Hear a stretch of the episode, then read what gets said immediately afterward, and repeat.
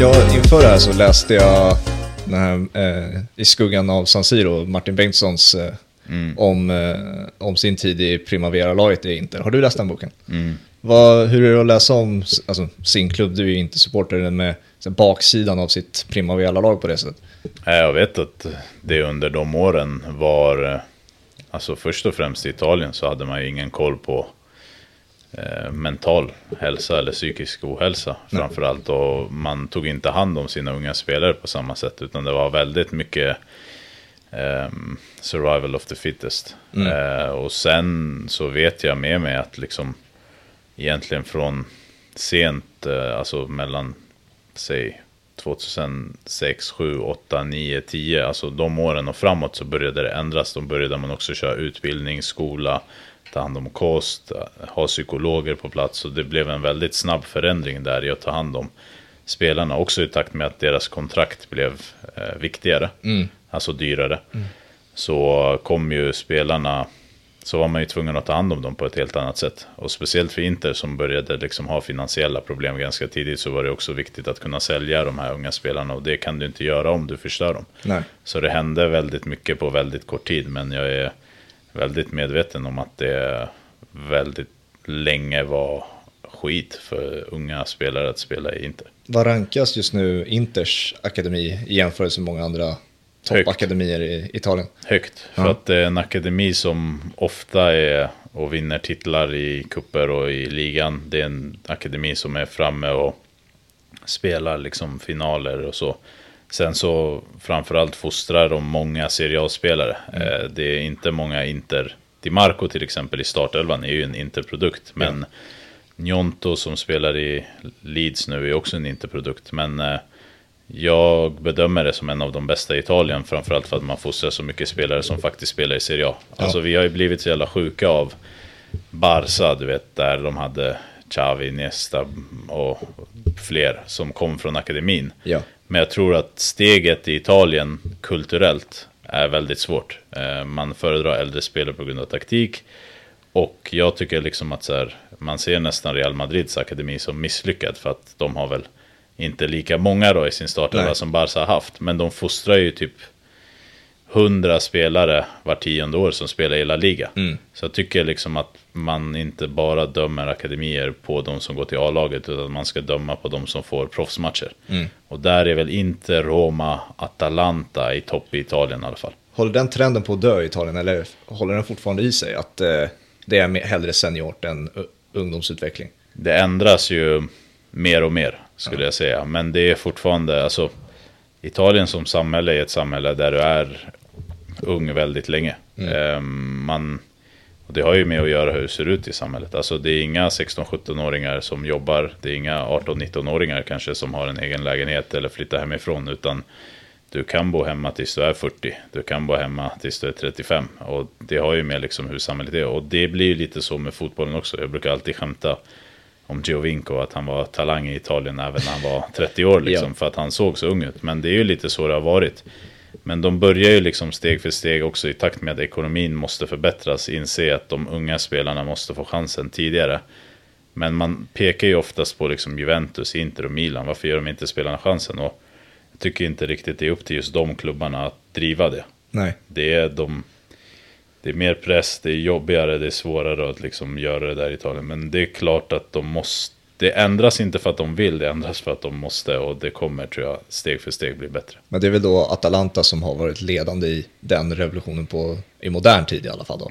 Ja, eh, absolut. Sen är det ju inte alltid egna produkter eh, som kommer fram. Utan Nej. det är ju många unga spelare. Men alltså, man måste ha med sig att Atalanta i Italien, det är visst, de har absolut en stor fanbase i Bergamo. Men det är ingen klubb som har någon press på sig. Det är ingen klubb där journalisterna häckar utanför träningsanläggningen Nej. på samma sätt som i, i Milano, i Rom, i Neapel. Så Ehm, Att spela liksom utan press och i lugn och ro och kunna utvecklas och ha tid att göra misstag. Det går i Atalanta men det är svårt i Inter och Milan i alla fall. För att det ska vara en egen produkt, vad är det för kriterier som krävs? För att säga att Dejan hade kommit fram och slagit igenom Atalanta, hade han varit en egen produkt då i och med att han har kommit igenom leden? Eller måste du vara, när måste du liksom tillhöra akademin för att vara egen produkt?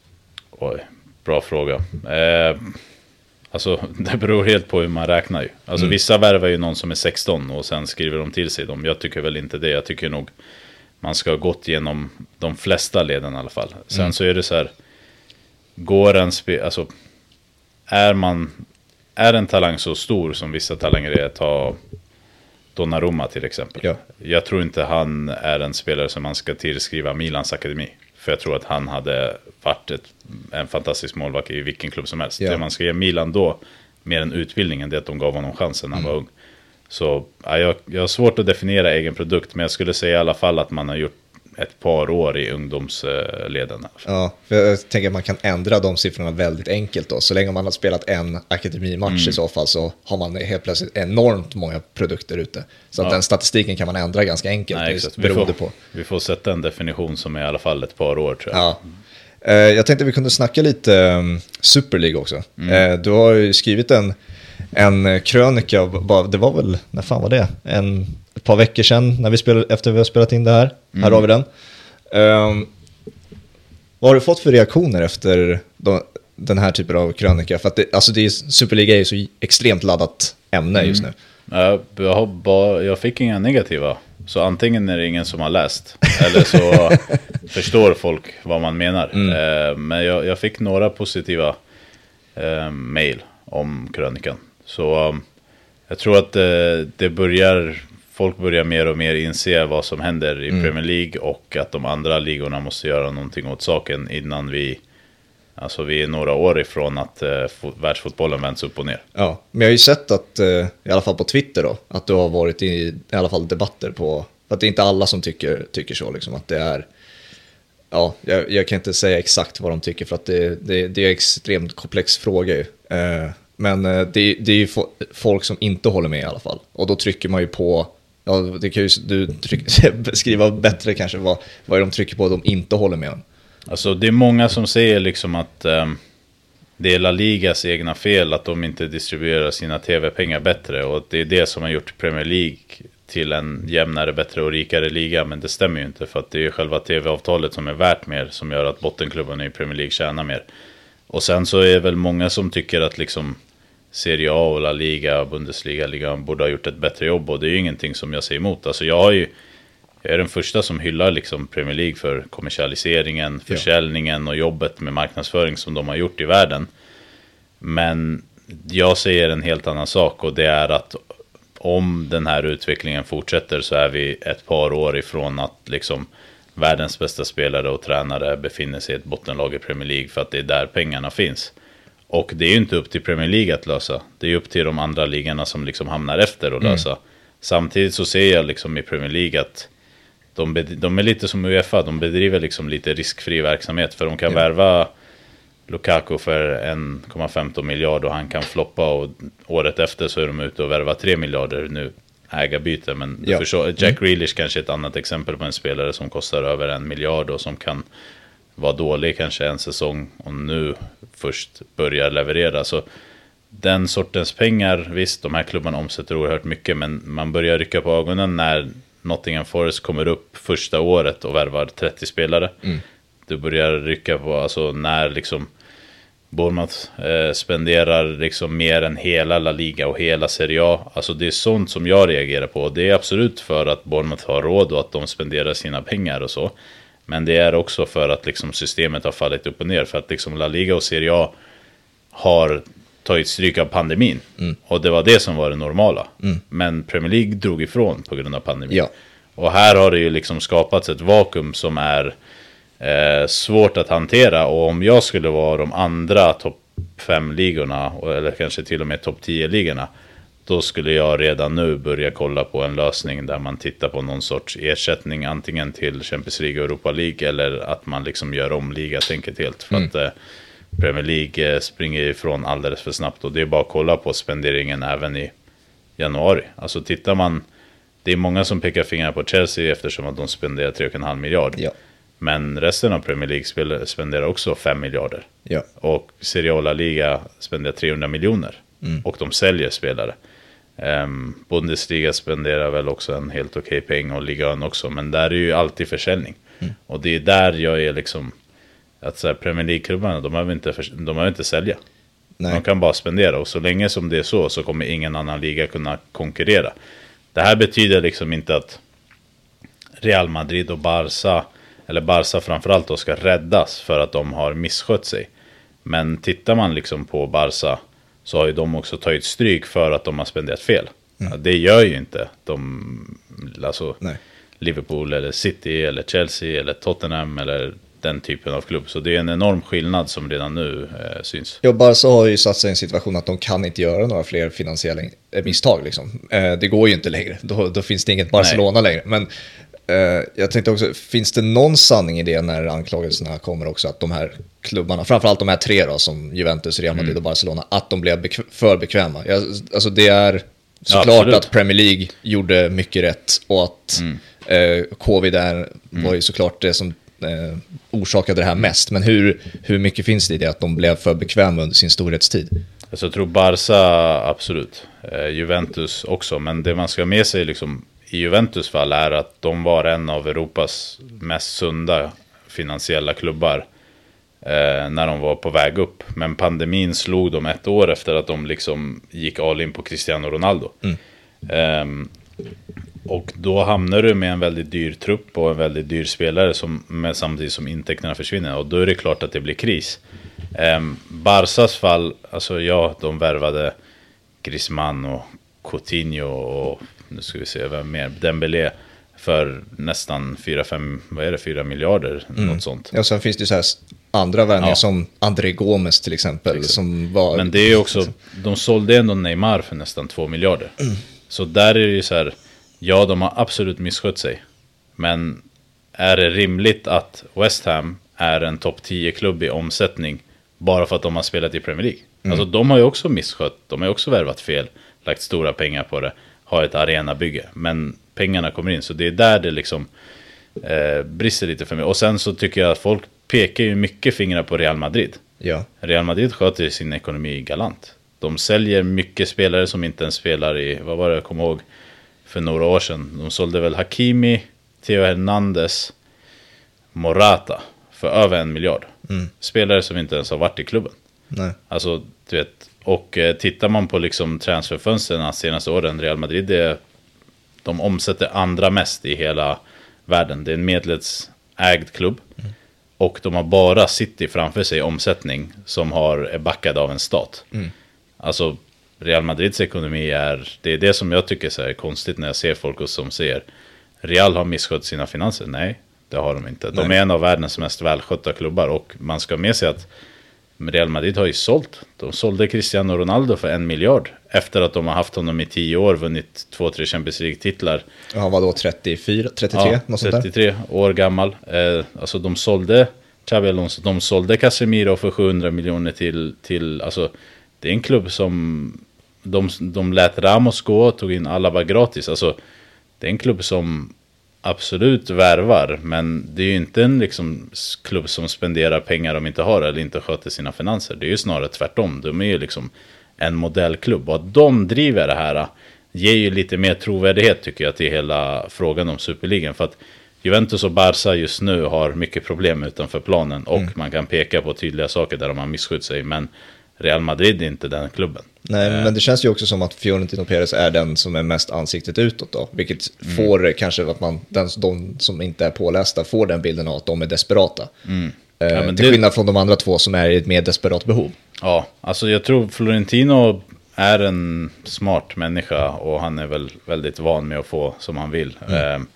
sen så tror jag att jag tror att eh, de här klubbarna har en självbild där de alltid är störst. Och till skillnad från Premier League där du vet att du har liksom sunda, um, du kan tävla på sättet din klubb är van att tävla på för att det kommer in pengar. Så ser inte Barca eller Juventus den framtiden.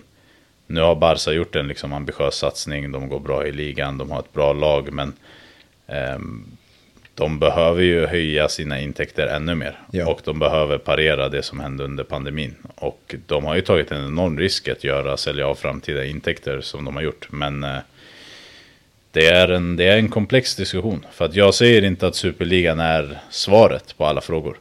Men jag ser att det finns ett, i det, europe, det finns ett systemfel i den europeiska fotbollen som behöver åtgärdas snart. Och jag tycker inte heller att det är rätt att Uefa driver en riskfri verksamhet. Nej. Och, och som de tjänar mycket pengar Ja, men också Superliga, så själva namnet ble, har ju blivit så pass infekterat också så att det nästan spelar ingen roll vad, ja nu kommer ett nytt förslag av Super League, mm. behöver inte läsa det, det är bara, det är bara skit då eftersom, med tanke på hur förslaget presenterades förra gången ja. med att det ska vara en stängd turnering. Eh, alltså upplägget nu, hur ser du på den nu när det var 60-80 lag mm. som, och det är en öppen, är, eh, man, kom, man kommer in på sportsligt, eh, sportsliga prestationer nu den här gången. Mm. Alltså det märks att de har gjort ett annorlunda jobb och att mm. de har fattat liksom, för att jag tror att eh, jag tappar väldigt mycket förtroende för Superligan när den annonserades som de gjorde. Mm. Jag tänkte så här, hur kan liksom det som ska vara världens största klubblagsturnering med världens största lag kommuniceras på det här sättet utan att man förbereder sig på bakslaget? Um, och, ja. Eller har undersökt liksom reaktionerna som kan komma. Det kändes väldigt oproffsigt. Men nu har de en helt annan approach liksom, till hur de, uh, hur de vill få ut ligan. Och nu är de ju mycket tydligare med att det är en liga som liksom går på sportslig merit. Det är en liga som i så fall ersätter Champions League, Europa League och Conference League. Ja. Och att uh, det är en öppen liga. Um, samt att de liksom är tydliga med att liksom de också inte gillar att Uefa eh, tjänar för mycket pengar, tar ingen risk och nu har de gjort om eh, europeisk fotboll från nästa säsong eller nästa, eh, nästa säsong Champions League har ett nytt format där ja, exakt. spelas nästa säsong måste det vara. ännu fler matcher, mm. eh, mycket fler sämre matcher. Ja.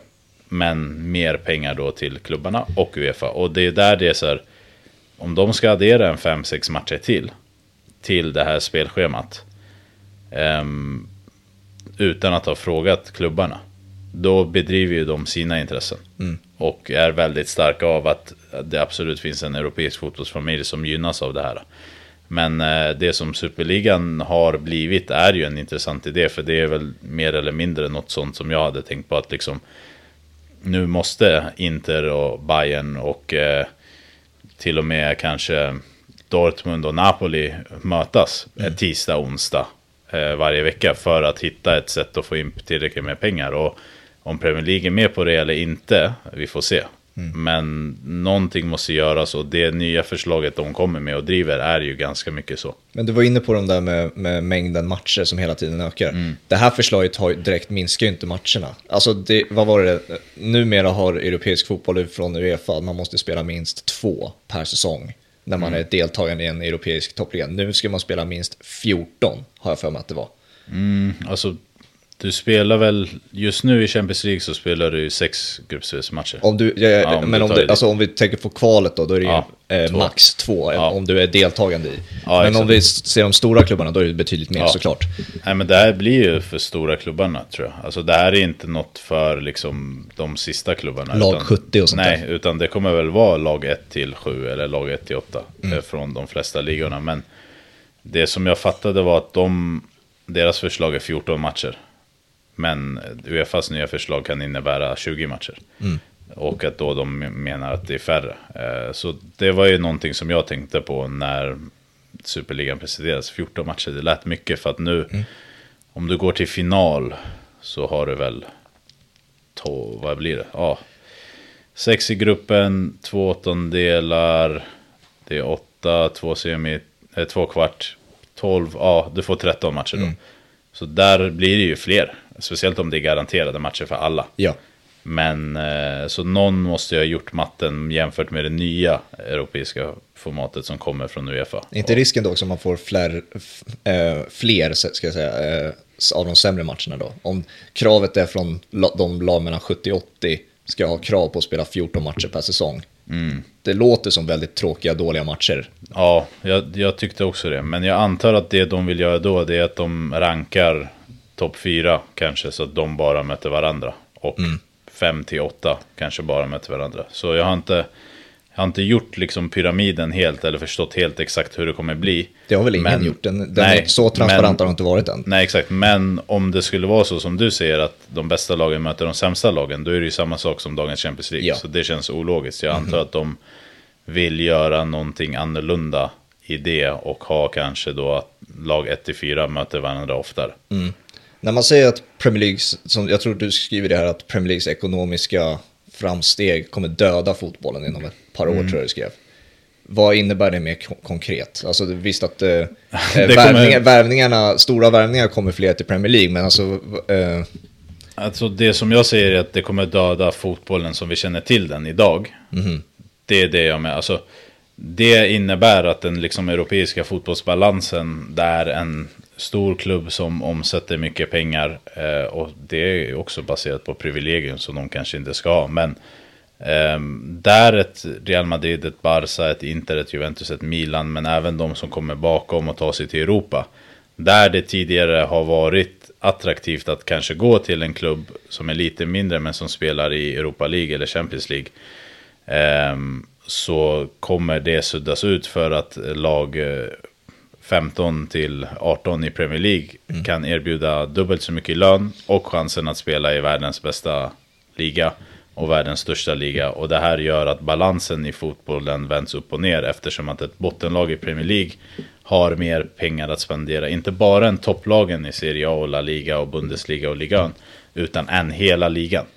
Så det är där fotbollsbalansen som vi känner till den är, tror jag, 3-5 år ifrån att vara helt rubbad. För att jag tror att snart, om några år, så kommer vi ha en eh, ekonomisk utveckling om inte någonting händer. Där bottenlagen i Premier League är mer attraktiva än de största lagen ute i Europa. Men även där de ja, vanliga lagen, eller vad man ska säga, de mindre lagen i Europa kommer bli länsade av Premier League-klubbarna. Mm. Eh, de har ingen chans. Alltså förut, förut var det ju kanske så att en spelare från Udinese gick till Inter eller Milan och sen kanske de gick till Barca eller Real eller Bayern eller City eller ja. United. Nu går de ju från, eh, nu går de från ett mittenlag i Italien till Premier League. Mm. Det är så det ser ut. Alltså, de är, det är samma med La Liga-klubbarna. Mm. Och det är absolut en del av fotbollens kretslopp och det är absolut upp till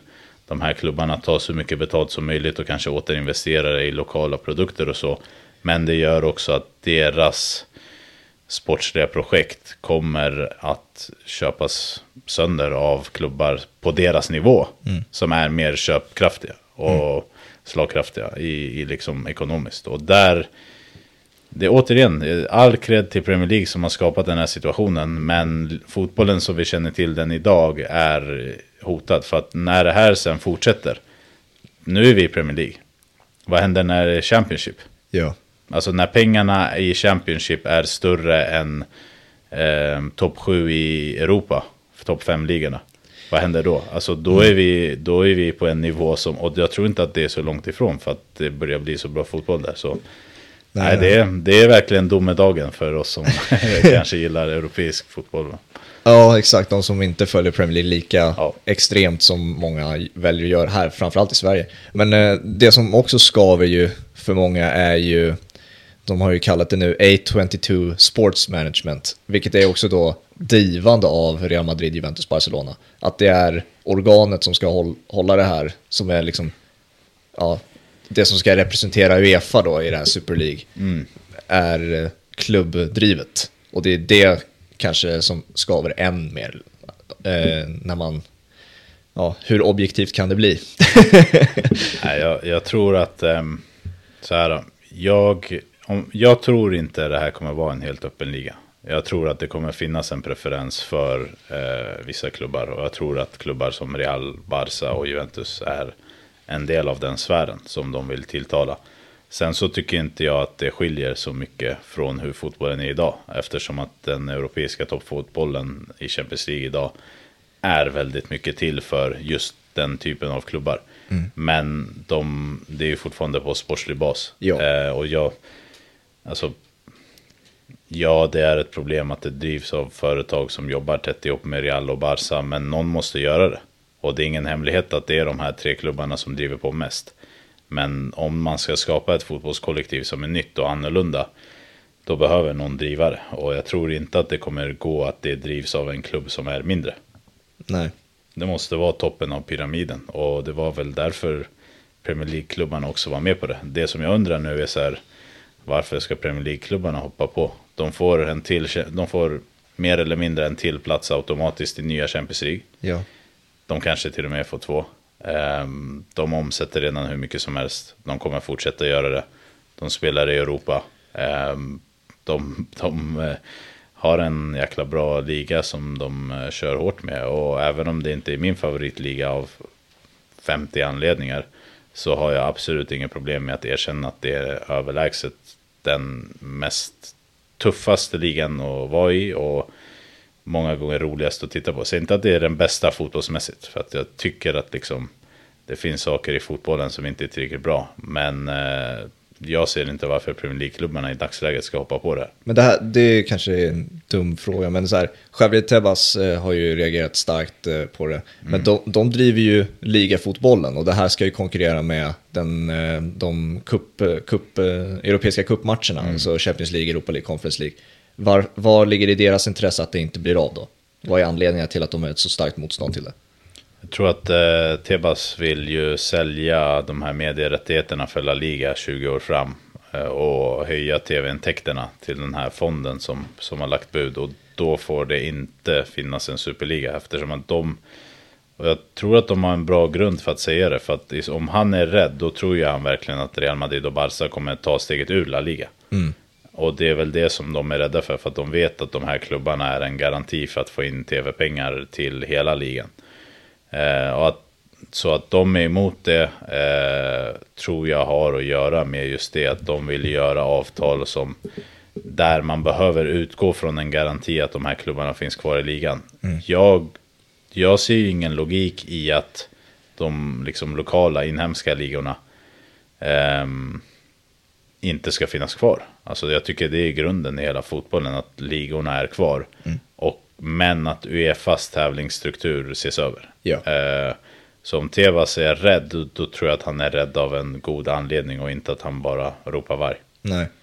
Eh, vad har vi på Bernt Rijkaard?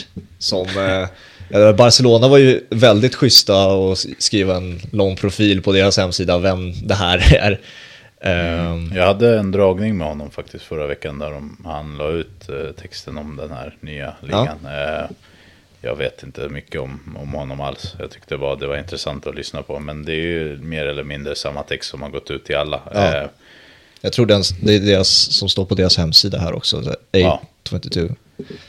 ja, så nej, jag, jag vet inte så mycket om dem. Men jag antar att det är bra för Superligan att ha ett ansikte som inte bara är som inte bara är Florentino. Eller som mm. inte bara är eh, Agnelli eller eh, mm, vad heter det? De är Barca nu. Eh, Laporta. Ja, Laporta exakt. Och Bartomeu innan honom. Så jag tror att det är bra att det försöker i alla fall komma fram som en lite mer neutral instans, även om det inte är det. Ja, nej men det här påminner ju mycket så här för mig så här som gillar eh, MMA, UFC liksom. Det här mm. känns som Dana White liksom, eh, som kommer representera europeisk fotboll. Men, och då blir det liksom så här hur hur snabbt kan det här bli det nya Uefa? Att det blir liksom lika stängt fast på, på annat sätt då mm. med, med det här formatet då? Vad är det som in, gör så att det inte blir av på det sättet? Alltså först och främst för att um, du måste få med dig så många klubbar. Och jag vet inte hur många klubbar som är redo att faktiskt göra den här rebelliska aktionen där de går ur Uefa. Eh, sen måste du fixa pengarna. Och eh, någon måste ju också ta steget i att man faktiskt startar. Alltså ja. att man säger nu kör vi, vi bryr oss inte om Uefa. Och där tror jag att, och sen så finns det en del lagliga processer som pågår. Eh, där man vill liksom få rätt i att Uefa inte ska driva, eh, ha monopol på tävlingar. Mm. Så det är uppe på egentligen regeringsnivåer i vissa länder. Alltså till exempel England aktiverade ju sig liksom väldigt starkt eh, ja.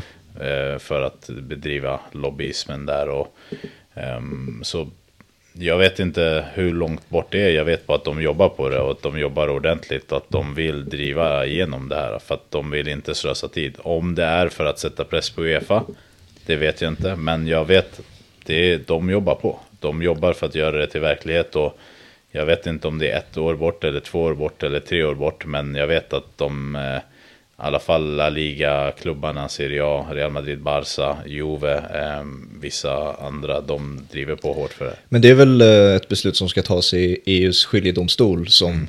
tas senare i år. Ja, exakt. Det är och, första indikationen eh, man ska få då. Om det klubbas igenom, då kommer, ju det här, då kommer man antagligen höra mer om det här då, ja, ja. efter det. Absolut, men det är det som är kul när det ska upp till rätten. Alltså, även om man vinner eller förlorar så driver man ju fortsatt sin agenda. Ja. Så även om det skulle komma ett bakslag för Superligan här tror jag inte att de slutar på grund av det. Eller om det kommer eh, något, ett bra beslut, då tror jag att man, det är mycket hur kommunicerar vi och vad sänder vi för signal. Mm -hmm. Ja, det blir intressant att se. Alltså, det, är, det, är, det är skitsvårt alltså. Det för att det, sen är det det är ju en direkt fortsättning av det som vi var så jävla mycket emot förut. Mm. Det kan man ju liksom inte alltså, ignorera på ett sätt. Men samtidigt så påstår de ju att ha pratat med, vad är det, 50 europeiska eh, klubbar i, mm. ute i Europa och liksom form, format en typ av vision. Så, och så, vi vet inte hur turneringen kommer spelas på vi vet på ett ungefär, men kan mm. gissa oss fram ungefär. Så.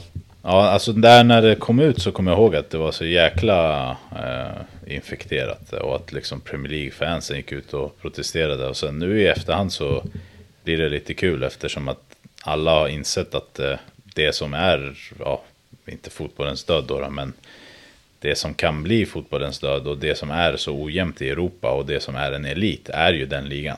Mm.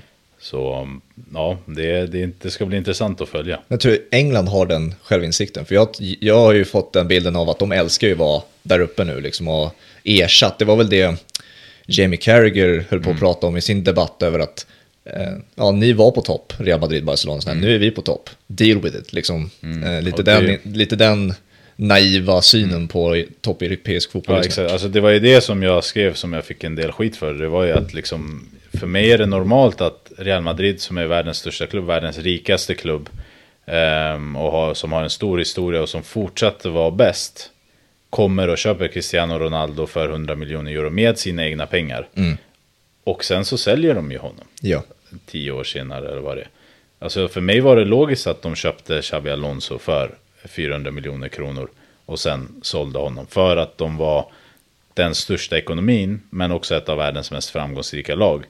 Ehm, det, var inte, det är inte logiskt för mig att Bournemouth kommer till Inter och Milan och ska ta deras spelare eller ska ta Romas spelare. Eller, det är där jag undrar liksom, vad är det som händer. Det är inte logiskt för mig att eh, West Ham kommer in på, alltså det, man kollar på Deloitte Money League, det är 20 rikaste klubbarna i världen, 11 av dem är från Premier League och mm. många av dem är, alltså vi snackar om Leicester och Leeds och West Ham och vad har de gjort senaste tio åren? Ja, Leicester vann Premier League, absolut. Men vad har de andra gjort? De har bara varit med i Premier League. De har yeah. deltagit i Premier League tillräckligt länge för att bygga upp en ekonomi. Så det är det jag menar att jag, alltså Carragher har en poäng i att, alltså diskussionen där blev ju lite att Premier League ska hjälpa bottenlagen i La Liga. Mm. Det tycker jag absolut inte. Nej, Premier League har inte det ansvaret. Det, det, har de ingenting med att göra. Det är upp till La Liga. Ja. Men det är en normal del av fotbollen att, som det är i livet, att ett, ett större lag, ett rikare lag och ett, framförallt ett medlemsägt lag med sina egna pengar kan spendera mer pengar än kanske Liverpool kunde då. Eller mm. att de var mer attraktiva. Mm. Eftersom att sportsligt sett spelar de Champions League, de har chans att vinna Champions League, det är en av världens största klubbar. Och det är inte bara, det var någon som sa till mig, Nottingham Forest vann ju Champions League, ska de eh, då får de värva det. Nej men det handlar inte om det. De har ju varit och harvat i 50 år liksom. Mm. Men Real Madrid är objektivt sett världens största klubb. Ja. De, jag fattar, det är inte bara att de är rikare. Spelarna vill ju dit. Xabi Alonso är en spanjor. Mm. Cristiano Ronaldo är portugis. Han är uppväxt med Real Madrid. Alltså, så det är mycket sånt där och jag fattar att det kan bli liksom Ja men varför ska de ha rätt till det? Det handlar inte om det. Det handlar om att det här är klubbar som med sina egna pengar försöker göra bra ifrån sig fotbollsmässigt. Mm. Problemet blir att, ja, Barca har väl också länsat Premier League till viss del, men återigen, de har inte länsat, de har tagit tre spelare på tio år.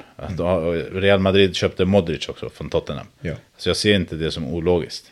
Men den här länsningen som pågår nu där bottenlag i Premier League tar bra spelare från seriala liga utan problem det kommer i längden bli problematiskt. Modric var ju roligt också, den utsågs ju vara den sämsta eh, värvningen i La Ligas historia, eller vad det var, när han gjordes, den gjordes sommaren 2012 var det. Mm. Så de har ju för sig, Real har ju för sig Bale också och Hazard. Ja. Så de har ju handlat en del, men återigen pengar som de har haft råd med. Mm. Och nu har ju det vänts upp och ner. Ja, exakt. Men sen får man också ha två tankar, hålla två tankar i huvudet samtidigt. Är att man säger ju inte att andra klubbar kan eh, liksom fortsätta ha ägarbyten och så här, punga upp pengar på det sättet också. Att det, det är ju liksom, det är ingenting mm. man säger emot. Liksom, nya ekonomiska, ska man säga, kraftfulla motståndare till de här klubbarna kommer ju komma. Liksom. Och mm. det är, det är ju inget fel med det. Liksom. Sen kan man prata om var de pengarna kommer ifrån, det är en annan femma. Men liksom, det är, det är, man får kolla på strukturen av ligan, liksom, att eh, det är inte det är ingen konkurrens längre. Nej. Överhuvudtaget. Nej, nej. Men det är där jag, jag tror verkligen att liksom Bournemouth och Nottingham, om de är kvar i två år i Premier League, mm. då värvar de från Lazio, Roma, eh, Fiorentina. De värvar från Dortmund, de värvar från, alltså det är här uppe vi är nu. Det är, de värvar från de bästa lagen, förutom kanske de absolut största. Och det, det är liksom, snart är det en verklighet och snart så kommer de också ta världens bästa tränare. Mm. Alltså tränarna idag, de får pengar, de får tid, de får ett projekt, de får köra fotboll. Alltså, sen är det ju bara tur att England inte har bra väder och sånt där, för att då hade det ju varit helt kört. Hur är det med din klubb eh, Inter? Hur har de sett på förslaget? De var ju först med och förståeligt eftersom att Inter, lite likt Juve, var ett, ett lag som var de befann sig i ett ställe där de väl, verkligen höll på att accelerera ekonomiskt. De hade tagit in Conte, Lukaku, Hakimi, Eriksen. De hade liksom ett, ett stabilt projekt där man liksom tog in en eller två bra spelare per säsong. Of, of, oftast liksom självfinansierat. Eh, men, och där omsättningen sköt i höjden. Men pandemin, eftersom att den slog Kina, inte hade många lokala kinesiska sponsorer som försvann eh, på grund av det så var man ju starkt drivande i att liksom få igenom det. Och det är många som säger att eh, den kinesiska ägaren sålde inte när de kunde sälja för att de hade fått nys om superligan och ställde sig positivt till det. Ja. Nu vet jag faktiskt inte vart det är med, för det är många som säger att Inter är ett av lagen som har dragit sig ur. Mm. Och jag vet inte om det är på grund av eh, att man Inters ägare har ju ett lån då från en amerikansk fond som kanske tar över klubben då man inte betalar tillbaka. Mm.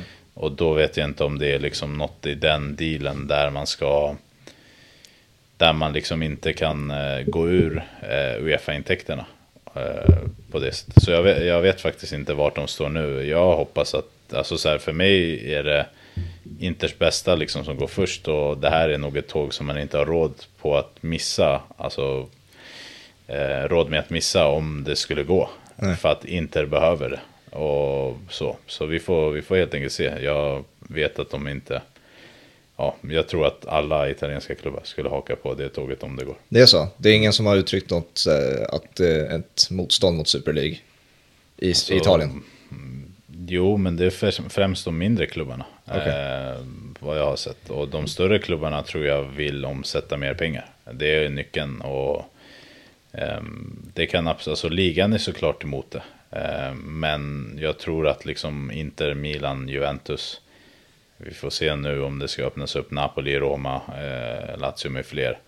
Att de liksom skulle vara sugna. Alltså egentligen allt handlar om pengar. Det är ju det det är. Och om det här är en möjlighet att göra någonting bra så är det ju. Um, så tror jag inte många kommer se nej. Nej. Eh, det har ju varit en diskussion med eh, Intervels ägare att det ska vara snack om att de ska säljas. Var inte det en story strax innan Qatar-VM? Att det var att de letade efter bud och sånt där? Eller att de hade fått bud, eller hur var det? Jo, det är en ganska långtgående eh, historia om att de vill, eh, eller att de är redo att sälja eller ta in en minoritetsägare eller liksom eh, på något sätt eh, börja göra sig av med klubben. Men eh, de, de har inte gjort det hittills och de har sagt nej till mycket bud och nu har det varit mycket liksom snack om amerikanska fonder, att de vill in. Eh, så jag, jag har ju längtat länge till det skulle hända eh, eftersom att den här ägaren tyvärr inte kan driva Inter framåt längre. På vilket sätt? Ja, men de, de hanterar ju inte sina egna pengar eftersom att de är i Kina så staten har ju väldigt stor kontroll på mm import export av pengar eller liksom hur man får investera dem. Och under pandemin så slog ju det inte extremt hårt eftersom att liksom, de kunde inte få loss pengar eller likviditet. Så ett tag så riskerar ju inte ganska stort eftersom att liksom det kommer inte in några pengar, man kan inte betala fakturor, man kan inte betala löner. Nu lyckades man ju liksom regelmässigt skjuta upp ganska mycket av det här. Så det blev ju inget stort problem, men det var ju en mardröm för spelarna och för tränaren då eh, att driva det här. Och sen så är det ju en klubb som, så jag ser liksom fotboll som, du ska inte in i det för att göra vinst. Eh, det är en bransch som kostar extremt mycket pengar. Mm. Och eh, jag förstår att de amerikanska ägarna går ju in för att i längden tjäna pengar. Det har jag absolut stor eh, eh, förståelse för. Men i fotbollen idag så behöver du ha ägare som har tillräckligt mycket pengar för att spendera för att mm, tjäna mer. Alltså det är det som jag tycker när alla sa att Barca gjorde fel när de sålde framtida rättigheter och så vidare för att sätta ett kompetitivt lag på banan. Så sa jag att de gör rätt för att om de vinner så kommer de tjäna mer pengar. Men om de förlorar, mm. då kommer de förlora mer än de förlorar idag. Ja. Det blir ju liksom ketchup-effekten lite. Ja. Och det är ju samma i Inters fall. Alltså, Inter sålde för någonstans 2 miljarder. Återinvesterade i princip 300 miljoner. Förlorar en ligatitel, hamnar i pott 2 i Champions League får Bayern och Barca. Nu gick det bra. Mm. Men det hade kunnat bli ett intäktsbortfall som är upp till 500 miljoner. Mm. Så där behöver inte en ägare som ett kan ge långsiktighet, alltså planering, tydlighet, hur jobbar vi, vad vi vill göra. Och som har en ekonomiskt liksom starkare och enklare position än eh, Suning då har eftersom att de har kris i Kina. Det är väl USA alltså amerikanska ägare ska jag säga, som har ryktats till Inter nästan enbart väl? Ja, absolut. Och det hade varit ideellt liksom, för dig då, antar jag? Alltså egentligen nej, eftersom att jag vet att de här fonderna, de driver ju, de är ju väldigt resultatorienterande. Mm -hmm. eh, men ja, absolut hellre än den som ägaren som finns nu. Och de amerikanska fonderna är det ju fullt av i Serie A. Mm. Det är många amerikanska ägare och eh, jag tror att de ser en eh, undervärderad produkt och undervärderade lag som man faktiskt kan göra bra affärer på. Mm. För att eh, oavsett vad som händer med ligorna så tror jag att lag som Inter och Milan och Juventus med fler kommer kunna göra bra ifrån sig. På tal om Inter, jag såg också här om dagen att eh, du reagerade på en eh, tweet mm. med vår, den fina Adriano. Mm. Eh, som inte är en waste of talent, vill du påstå. Eh, bortslösad talang. Eh, jag säger inte att han var det heller, det var ju en underbar spelare. Vad, vad drar man den gränsen? Blev jag intresserad av att liksom öppna ja, jag, den med.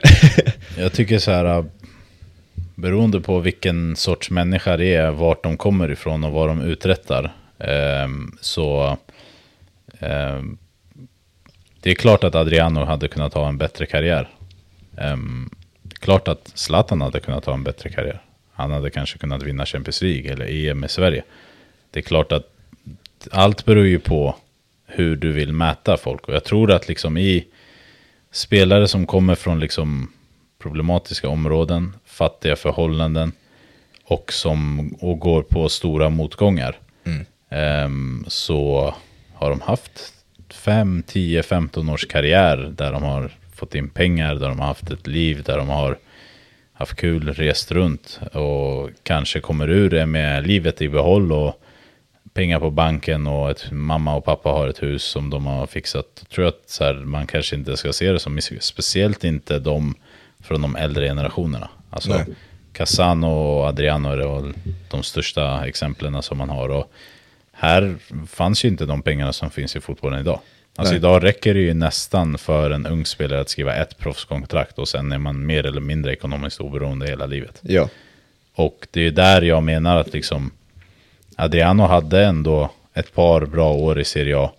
Han var ändå aktiv liksom egentligen fram till 2010, 11, 12. Han gick tillbaka till Brasilien och fortsatte liksom helt okej okay i ett par år. Eh, och han gjorde det liksom eh, med från en situation om, eh, som var väldigt svår. och där tycker jag så här, det är svårt att mäta, men jag tycker om man tittar på Balotelli och Cassano, så var det spelare som jag tror att så här, hade de inte haft fotbollen då hade de kunnat ligga döda i ett dike för 20 år sedan. Mm. Men tittar jag på Balotelli så ser jag mycket mer en bortslösad eh, begåvning på grund av att eh, han vill inte göra jobbet. Eh, han var i världens bästa klubb. Han hade förebilder, typ Samuel Eto'o, som hade gått igenom väldigt mycket av det som Balotelli gick igenom. Um, han gick till City där han hade Mancini som betedde sig som en pappa till honom och det funkade inte. Han kom tillbaka till Milan som hade tunga spelare omklädningsrum och historia men inget liksom bet. Och han har inte haft en misslyckad karriär. Han har vunnit Champions League, han har vunnit uh, Scudetton med Inter, han har vunnit Premier League med City, han har varit runt om i världen och tjänat hur mycket pengar som helst. Men av de tre så tycker jag att han var den som hade bäst förutsättningar att göra bra ifrån sig. Mm. Eh, medan till exempel Adriano och Casano fick ut väldigt mycket trots att de kanske inte borde ha fått. Ja, tar, det finns två vägar. Jag väljer att ta först de här olika andra spelarna som jag kommer att tänka på, eh, som man ville gärna få mer utav. Eh, jag tänker på Ricardo Quaresma, mm. jag tänker på, nu, om vi ska ta England så vi har pratat mycket, Deli Ali som numera blir nästan hånad i Turkiet när han spelar ja. fotboll numera det finns ju hur många som helst med. Det är de som poppar upp i mitt huvud. Balotelli var en, an, mm. en annan också. Har du någon fler du tänker så här spontant, ja han den där blev det alldeles för lite av? Ja, alltså. Då får man ju se det spelmässigt också. Inte ja, här, som de, de där andra värdena som såklart är viktigare som du tar upp. Jag tänker bara enbart spelmässigt då såklart. Pogba, nu, alltså han har ju vunnit liksom VM och ja, liga efter liga, men ja. han, han det blev inte vad det hade kunnat bli i Manchester United. Nej. Det blev inte vad det hade kunnat bli i, liksom, ja. Men han vinner liksom italienska ligatitlar efter ligatitlar och VM, så han är nog jäkligt nöjd. Um, det är svårt på uppstuds att hitta just den där typen. Alltså jag har ju alltid liksom haft en förkärlek för artister. Alltså tänker på Ronaldo, brassen också. Mm. Alltså han, han vann allt som gick att vinna nästan förutom Champions League. Men det var en kort karriär. Ja. Alltså du har Ronaldinho och samma sak. Alltså det här är ändå spelare som har vunnit det mesta som går att vinna och som kommer vara älskade av generation efter generation. Men alltså ska man vara så som man pekar på de här spelarna kan man också peka på dem. Så Ronaldinho, fan om du hade liksom festat lite mindre mm. så hade du kunnat vara bäst i världen i ett, två år till. Mm. Och jag tycker att det är underbart att de inte är det, men jag tycker att liksom är det vinkeln man tar, då är det inte många som kommer undan. Då är det Ronaldo och Messi och så räcker det nog så tror jag. Ja, det är ju, jag har alla spelarna här uppe. Det är så här, för att komma upp på de här tavlorna, vad, vad, hur många år krävs det för att, eh, för att vara på toppen? Liksom? Det, det kan man ju fundera över, för att mm. alltså, om man ska se på talang, självklart kan man sätta alla in i den, mm. alltså på nummer ett, det beror på vad man gillar. Eh, det är en onödig debatt att ha egentligen, men så här, Ronaldinho och Ronaldo, det, det går ju inte att slå dem i talang i alla fall. Nej, alltså för mig så har det alltid varit mer, det har handlat mycket mer om vad får spelaren mig att känna, mm. än vad har han vunnit. Du skrev ju det, har jag för mig, i din krönika efter VM, va? Att mm. Messi har alltid varit mm. större än Ronaldo för mig på grund av, nu kommer jag inte riktigt ihåg, men jag tror att det var mm. så, eh, på grund av vad han får mig att känna. Mm. Ja, men det, det, är, det är någonting som jag står för till 100%. procent. Mm. Alltså jag har stor respekt för Ronaldo, jag kommer ihåg att när det begav sig i Champions League med Real Madrid, då var det också en spelare som fick mig att känna att så här, helvete, det här är sjukaste jag sett. Men det som var med Messi var ju att liksom det här hände eh, match efter match. Och eh, det är det som har liksom imponerat mig så oerhört mycket. Att spelare måste liksom... De måste tilltala mer sinnen än, än, bara det man liksom, än bara mål eller titlar. De måste ge mig någonting. Och Messi tycker jag varje gång han spelar fortfarande lämnar mig med hakan liksom i, i marken. Och det är därför jag har älskat en spelare som Adriano. Mm. Även om han inte vann. Även om han inte, även om han inte blev det han hade kunnat bli.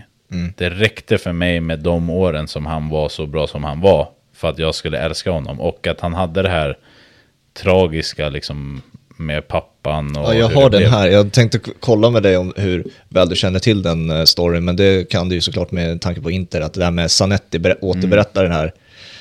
Ja. När han fick reda på att Adriano hade förlorat sin, sin pappa. Det var väl Mm. runt, när kan det ha varit? 2006? Något sånt där? Ja, eller så... Ja, någonstans där. Start av, Ja, ja, fyra, fem. 4-5 där står jag.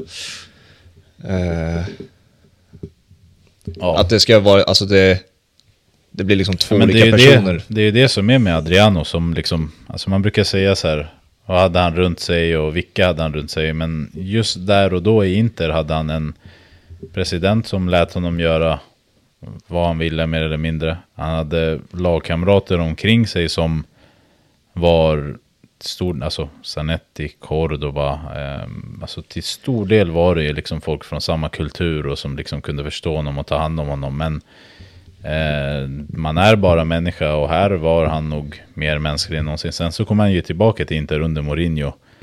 Överviktig ur form, väldigt liksom sådär. Men Mourinho gav ju honom en chans. Men sen kom ett landslagsuppehåll när han var uttagen till landslaget. Hade precis avgjort ett derby med handen. Och han åkte hem. Och kom inte tillbaka. Nej. Och liksom, så han fick ju verkligen chans efter chans. Men jag tror att liksom närheten, alltså han ville verkligen hem. Och jag respekterar det. Men eh, det är klart att liksom, alltså det där hade ju kunnat vara en stor skillnad både för honom och för Inter. Och det vet ju spelare som Zanetti. De vet ju att liksom, de vet ju hur bra han var. De har ju tränat med honom varje Ja. dag. Och då tror jag att du tänker på det också som människa, liksom mycket mer. Att så här, hade vi kunnat göra något mer? Nej, vi försökte verkligen. Och klart att de ångrar det. Det var en av de bästa spelarna som fanns en period. Mm. Men vad, när du säger att han fick göra lite som han ville innan det där tragiska hände, vad var det, vad var det för typ av... Jag har inte så bra koll på innan det tragiska hände, Adrianos eh, liv och karriär liksom Nej, skedde. Vad, vad är det, Moratti, Moratti, Inters förra ägare, var ju en president med väldigt stort Interhjärta och hjärta överlag. Och han, alltså han var ju inte en eh, liksom, som satte väldigt mycket hårda regler, utan han, alla spelare var ju som hans söner, så han liksom, han var inte den striktaste med regler eh, väldigt länge. Sen så kom ju då de här eh, Mourinho och Mancini som liksom började sätta mer strikta regler eh, på det sättet. Men Moratti var ju inte känd för att sätta hårda regler för hur spelare betedde. Alltså Adriano, ehm, en annan är kanske Vieri eller Ronaldo, alltså spelare som gillade att vara ute och festa liksom och kanske komma. Men det var också en annan fotboll, alltså det ändrades ju mycket. Typ när Zlatan var i Inter så drev ju han också mycket på att det här man ska liksom vara seriös och må bra. Så. Ja. Men fotbollen har ändrats. Det, det finns ingen plats för Moratti-typen längre som ursäktar allt med nej men det är som min son det här. Så. finns det inget sånt längre? Det kan ju vara, det är ju någon tragisk utveckling i så fall, om det är ingen som liksom... Det finns inte plats för sånt i, alltså jag ser bara liksom ungarna idag, liksom P10 och 15, de äter ju, de har ju stenkoll på sin kost och sin sömn och kolhydrater och allt sånt. Det fanns ju inte när jag var yngre. Nej, det var nej, ju nej. väldigt få liksom. Så Men ja, moderna fotbollen överlag tror jag har väldigt lite plats för att du ska äta och dricka och sova dåligt. Det är bara att lyssna på Mbappé nu när han gick ut efter någon match här om dagen och sa alla vi måste äta bra och sova bra och liksom ta hand om oss själva, då kommer vi göra bra saker. Ja, och så fick Neymar kritik direkt Ja. efter att man såg honom på McDonalds. Ja, eller poker och vad han håller på med. Ja, just det. Nattpoker var det ja. Men eh, det är ju där, jag, alltså, det här, jag tänker snarare på att det är en mer fria tyglar, alltså man får, göra, man får göra det man vill, man, man får ta eget ansvar. Det är väl snarare det, att det kan vara rätt ledarskap istället för att man ska vara så inboxad. Och sen så får man ta sitt eget ansvar, eh, och sen såklart ska man inte spela om man inte tar sitt eget ansvar, istället för att man blir kontrollerad på det sättet. Men det, det utrymmet kanske inte finns som ledarskap längre. Alltså, jag tror att det blev liksom intressant kulturkrock när Conte kom till England och alla pratade om hans liksom diet och så tänkte man så här. Det här måste ju vara det sjukaste som har hänt. Och så var det typ så här, vi får inte äta ketchup längre. Och Nej. då började jag tänka så här, vad fan har de här gjort? De spelar ändå Premier League Ja, tre ja. matcher i veckan och äter ketchup. Alltså, ja, det är väl klart du ska kunna ta en pizza någon gång eller så. Men Ja. pizza är ändå, du vet, bröd, tomatsås och lite ost eh, i slutet av dagen. Så jag blev, jag, jag förstod, jag trodde att det var mycket mer strikt. Men jag förstod liksom att så här, i England i Premier League så kanske inte har varit så. Men jag vet att de bästa tränarna jobbar ju väldigt hårt med just vad man äter, vad man dricker och det, det, det märks ju direkt. Alltså vad hette han i City som kom hem eh, överviktig och inte hade skött kosten? Philips eller? Ja, Calvin Calvin Phillips, Phillips, ja, ja. som Pep Guardiola Ja. hängde ut i media då när han ja, men det. du ser, alltså, jag tror att liksom, och vi ser ju också en positiv effekt av det i att spelarna kan vara aktiva längre. Mm. De har längre karriärer, de gör bättre ifrån sig en längre tid, men det finns inte så mycket plats för dålig kost. Det var, väl, det var väl också när Xavi kom till Barcelona så kom det ut the, vad var det, 12 rules, rules of Xavi eller vad det var. Att han också hade de där extremt, eller extrem, det var inte extrema strikta regler, men då, jag tänkte samma sak, jag tror jag skrev den artikeln när jag, när jag skrev på Fotbollskanalen att så här, vad har, vad har de gjort innan? Så här, kom en timme tidigare till träning, bara, jaha okej. Det, ja. det, det, liksom, det gör ni inte ens, ni så här, glider in en kvart innan liksom. Nej, jag, jag, jag blev också lite samma. Jag blev så här, fan, det har varit fritidsgård i Barca Ja. länge, men eh, ja, tydligen, alltså man blir förvånad av hur många toppklubbar i olika ligor och länder drivs som din lokala fotbollsklubb runt hörnet. Ja. Alltså, desto mer jag har kommit in i liksom fotboll så har jag blivit mer förvånad över att så här, det här hade kunnat vara mm, Barcelona Ja. eller Hässelby SK i division 4. alltså, Men där, där kanske min teori dör också, man inte kan ge fria tyglar till spelarna längre. Man kanske kunde det eh, förut, men idag kan man inte det längre. Jag tror, jag tror dagens spelare är bättre lämpade att vara maskiner. Men eh, de har också en... Alltså de är miljonärer när de är 17. Det är inte lätt att hantera. Alltså, lätt och lätt. De betalar sina räkningar och kan ha ett bra liv. Men det är också mycket distraheringar. Alltså för dem att ta en avstickare till ett annat land. Det är ju som för oss att ta bilen eller tunnelbanan på morgonen. Ja. Så jag tror att de enorma pengarna och kändisskapet gör ju också att det kommer eh, konsekvenser som inte alla är redo för. Alltså bortse från fysik och träning och fotboll. Du är igenkänd överallt. Du vill ta en resa, ja det går. Du kan vakna på morgonen, ta ett privatjet till en ö och så, sola och bada där och sen åka hem. Men det kommer vara någon jävel som känner igen dig och tar en bild och då är det skandal. Så Ja. det är ju såklart mycket som har hänt. Det är väl eh, Dennis Rodman som sa det, eh, att det, jag hade spelat basket gratis, men det är allt annat bullshit. det är det jag tar betalt för. Ja, nej exakt. Eh, han var ju också en sån där skön eh, karaktär. Ja, exakt. Vad, har du en favorit i, om vi ändå ska fortsätta på karaktär? Alltså, spelare och talang det är en sak och så får en att känna och sånt där, men eh, karaktärer känns det ju också som, med tanke på den här utvecklingen, att det blir färre och färre av. De, det är ingen som poppar upp i mitt huvud rent spontant så här. Nej, Jävla alltså karaktär. jag, jag liksom... Ut, ja, jag gillar han. Vi har ju snackat mycket om Baskirotto för att han är bonde i Lecce. Men om, om jag ska ha någon så här favorit utanför, då är det Rashford. Men det är för det han har gjort utanför ja. planen. Mm. Så det har blivit mycket mer så. Ehm, de här liksom riktiga karaktärerna, de, de, de finns inte. Alltså jag, jag kommer inte på någon i den nya generationen som jag... Det är en tragisk utveckling alltså. Nej men som jag känner så här, eh, Vinny Junior till exempel. Jag tycker att han har lite det här eh, gamla i sig. Att han liksom, han, han, han, han snackar snacket men han går också gången. Och han gör det på ett sätt som inte är karaktär. Utan det är fotbollsmässigt. Ja, Men det är också en ytterligare del i att det är maskin. Neymar tycker jag om jättemycket. Som spelare, som liksom glädjespridare och så. Men jag, varenda person är ju, det är ju en maskin. Alltså Rashford nu, förut var det kanske lite mer sådär. Jag kommer ihåg att jag ville, folk, jag ville ha honom till Inter så jävla länge. Okej. Folk bara, nej men han har varit skit och han är dålig hit och dit. Och jag bara, bara så, nej men han är grym liksom. Men det är ju mer det han gör utanför planen. Och utöver det, alltså. pff, Jag, jag kommer inte på någon som jag är så här idoliserar på grund av att det är en karaktär. nej.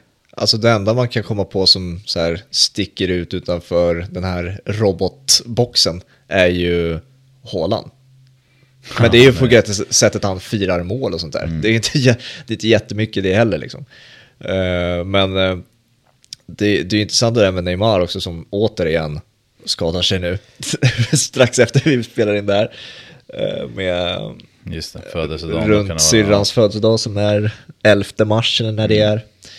Eh, men nu får man väl ändå på ett sätt ge, ge honom ett break liksom, när man ser bild, stillbilderna på de här skadorna han drar på sig hela tiden. Hans fotleder mår ju inte bra, det är det som är grejen. Nej, han eh, tyvärr eh, får för mycket stryk. Ja. Det, det är också en sån där grej tror jag som man kan titta tillbaka på.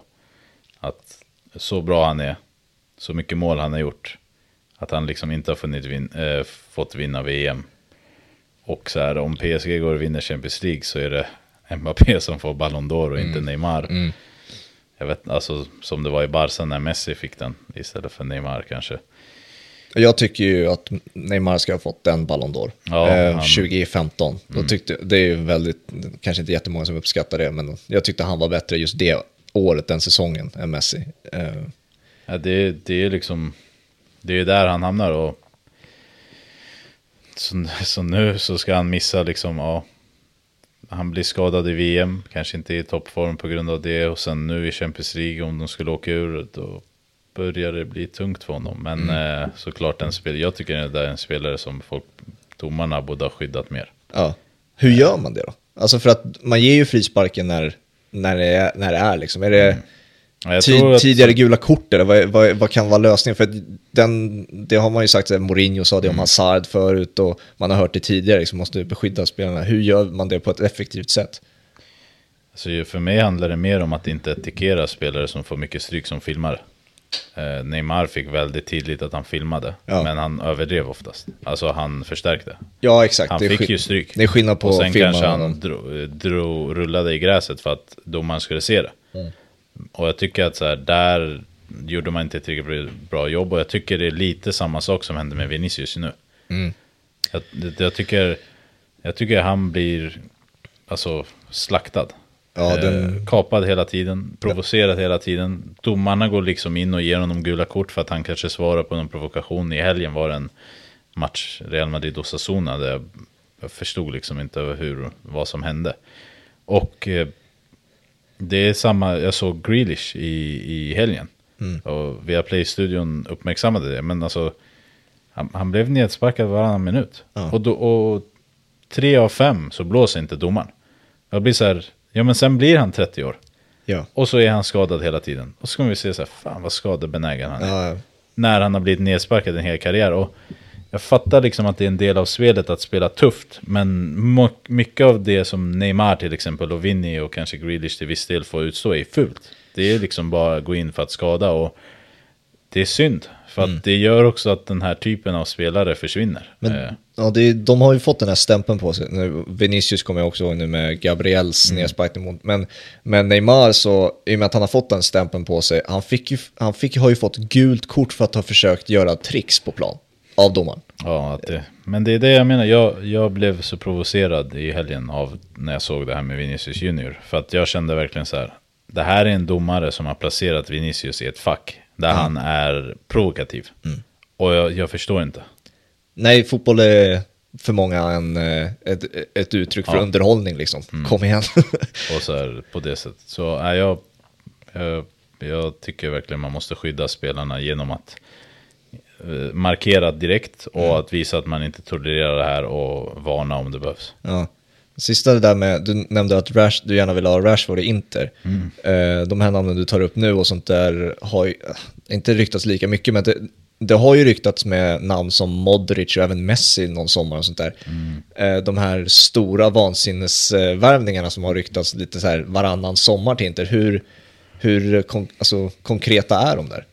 Alltså nu, nu är det omöjligt för Inter att värva Rashford ju. Ja, ja, alltså, såklart. Men jag menar bara så här, vad- Men Modric, det, det har ju varit mycket så här... äh, Brozovic och Perisic spelade i Inter och eh, ville få över honom och Modric skickade signalen att det här skulle gå att lösa och sen så gick det inte. Nej. Eh, Inter ville inte betala eller kunde inte betala kanske och Real Madrid ville ju ha betalt såklart. Och, men tydligen så fanns det ju något löfte där från Perez att man skulle kunna eh, lämna gratis om han vann Champions League eller vad det var. Och jag tror inte att det var konkret någon gång men att det kom liksom signaler från Modric att eh, han var sugen kanske. Och samma, jag tror med Messi, det är liksom Zanetti som kanske whatsappat honom. Men så fort du vet det kommer upp i den typen av summorna, då är ju inte chanslösa. Ja. Men det är ju klart att om du har en Zanetti i ledarstaben och han känner Messi, att han för Inters skull drar ett mess och säger är du sugen? Mm. vi försöker lösa någonting och Messi kanske säger tack men nej tack. Och jag tror att det är lite samma med Modric, att så här, Brozovic spelar där och han kanske säger hur det är Milano och han säger jo men det är skitbra men det blir liksom inte någonting. Och, alltså spelare pratar ju med spelare. Det har ju varit mycket snack om att liksom Lukaku är inne och typ eh, kan mässa lite folk i Premier League att komma. Alltså nu var det, var det Chaloba tror jag. Som snackades till Inter Aha, okay, i, ja. i, somras, eller Loftus Cheek.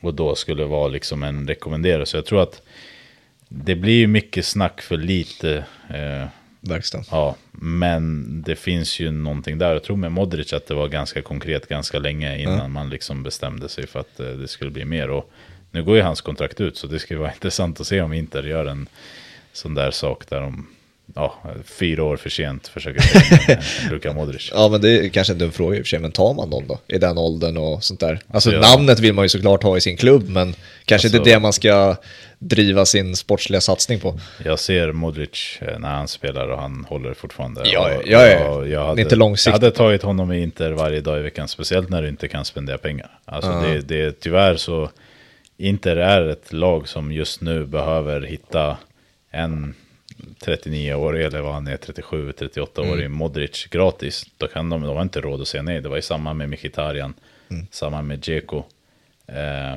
Acerbi. Alltså det är många spelare som kommer gratis till Inter som är helt eh, nödvändiga för att man ska kunna vara sportsligt eh, liksom tävlingsinriktad fortfarande. Ja.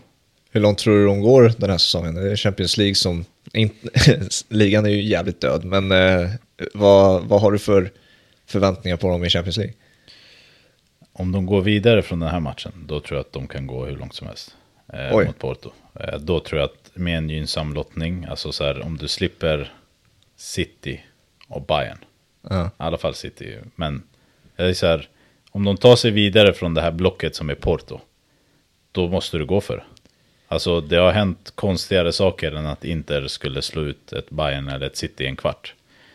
De är såklart, alltså Bayern och City är överlägsna. Mm. Det är mycket bättre lag, men de har fumlat förut. Och om inte träffar rätt ändå, då tror jag att de kan slå vilket lag som helst. Så jag tycker liksom årets turnering är rolig på det sättet att alltså det lag av Chelsea och Dortmund som går vidare kommer inte kunna slå till exempel. Det lag som av Tottenham och eh, eh, Milan som går vidare kommer ja. inte kunna slå. Benfica, Brygge, inte kanske kan slå dem. Så det är ju det som är, men du måste ta dig förbi ett Porto som, har, som är grymma. Ja. Som är riktigt bra. Och, samtidigt som det här gäller för Inter, så gäller det också för Milan. Mm. Alltså jag ser inget problem med att ha Milan i semifinal i år. Nej. För att jag tror att det är ett lag som kan göra, och samma gäller Dortmund, samma gäller Benfica. Alltså jag tror verkligen att i år, sett till att PSG eller Bayern kommer försvinna, Liverpool eller Real Madrid kommer försvinna det öppnar upp för att det ska komma ett eller två lag som faktiskt tar sig till semi på grund av lottningen. Och något av de lagen kan vara italienskt. Så jag ser det som att så här, tar du dig förbi åttondelen i år, då är det alltså samma Eintracht mot Napoli. Mm. Alltså ja, Napoli är överlägsna i Serie A, men om de och Inter möts i dubbelmöte i Champions League, det är en helt annan sak. Ja, exakt. Vad händer då? Mm. Alltså, så det, det är upplagt för att liksom um, fyra av åtta lag som är kvar um, är görbara. Mm. Det är tre lag som du vill undvika och det är Real Madrid, det är Bayern och det är City och PSG. Men de kan vara ute. Ja. Så um, du har ju... Jag, jag, jag är liksom, jag är försiktigt hoppfull, men jag är, jag är mer nojig för Inter i en åttondel mot Porto än Inter i en kvartsfinal mot Chelsea. Mm. Alltså där tror jag att det är en helt annan sak som kommer in och sådär. Så jag tror verkligen på att de italienska lagen i år måste göra något bra. Ja, vi började den här diskussionen med att eh, prata om att eh, det prenumereras platser på Champions League-semifinaler och nu öppnar vi dörren för att det blir en utstickande Champions League-vår i alla fall. Mm, det... Men lott, alltså det var det som hände när PSG blir grupp tvåa när Liverpool är grupp två, när liksom Klubb Brygge går att ta sig vidare istället för Atletico Madrid. Alltså, det har ju öppnat upp för en turnering. Och sen så, alltså i slutet av dagen så kommer ju vara de gubbarna som brukar vara där, som är Ja. där. Bara två av dem försvinner på vägen på grund av lottningen. Ja. Men säg att, vad vet jag, Bayern och Real går vidare då, och de möts i kvarten. Mm. Alltså då pratar vi att liksom två potentiella finaler har försvunnit på vägen. Och att resten är liksom ganska mid-matcher. Alltså då är det ju öppen gata för något Chelsea eller något sånt där. Ja. Nej, det gör mig mer taggad för Champions Ja, League i nej, alla fall. jag är- du säljer in det bra. Jag är extremt taggad på, på den här ja, morgondagen då, men också Ikväll. hela hösten. För att, uh, ja, absolut. Vi har ju bara någon timme kvar nu så Mm. kan jag nog släppa hem dig så att du kan hinna se lite Champions League också. Yes. Eh, stort tack att du kom alltså. Det var Stort skit, tack. Skitkul Stort där. tack, kul att vara här. Eh, tack för, ni, på er som har lyssnat också. Eh, vi hörs när vi hörs, det får vi se när det är. Eh, ha det bra så länge. Tack återigen.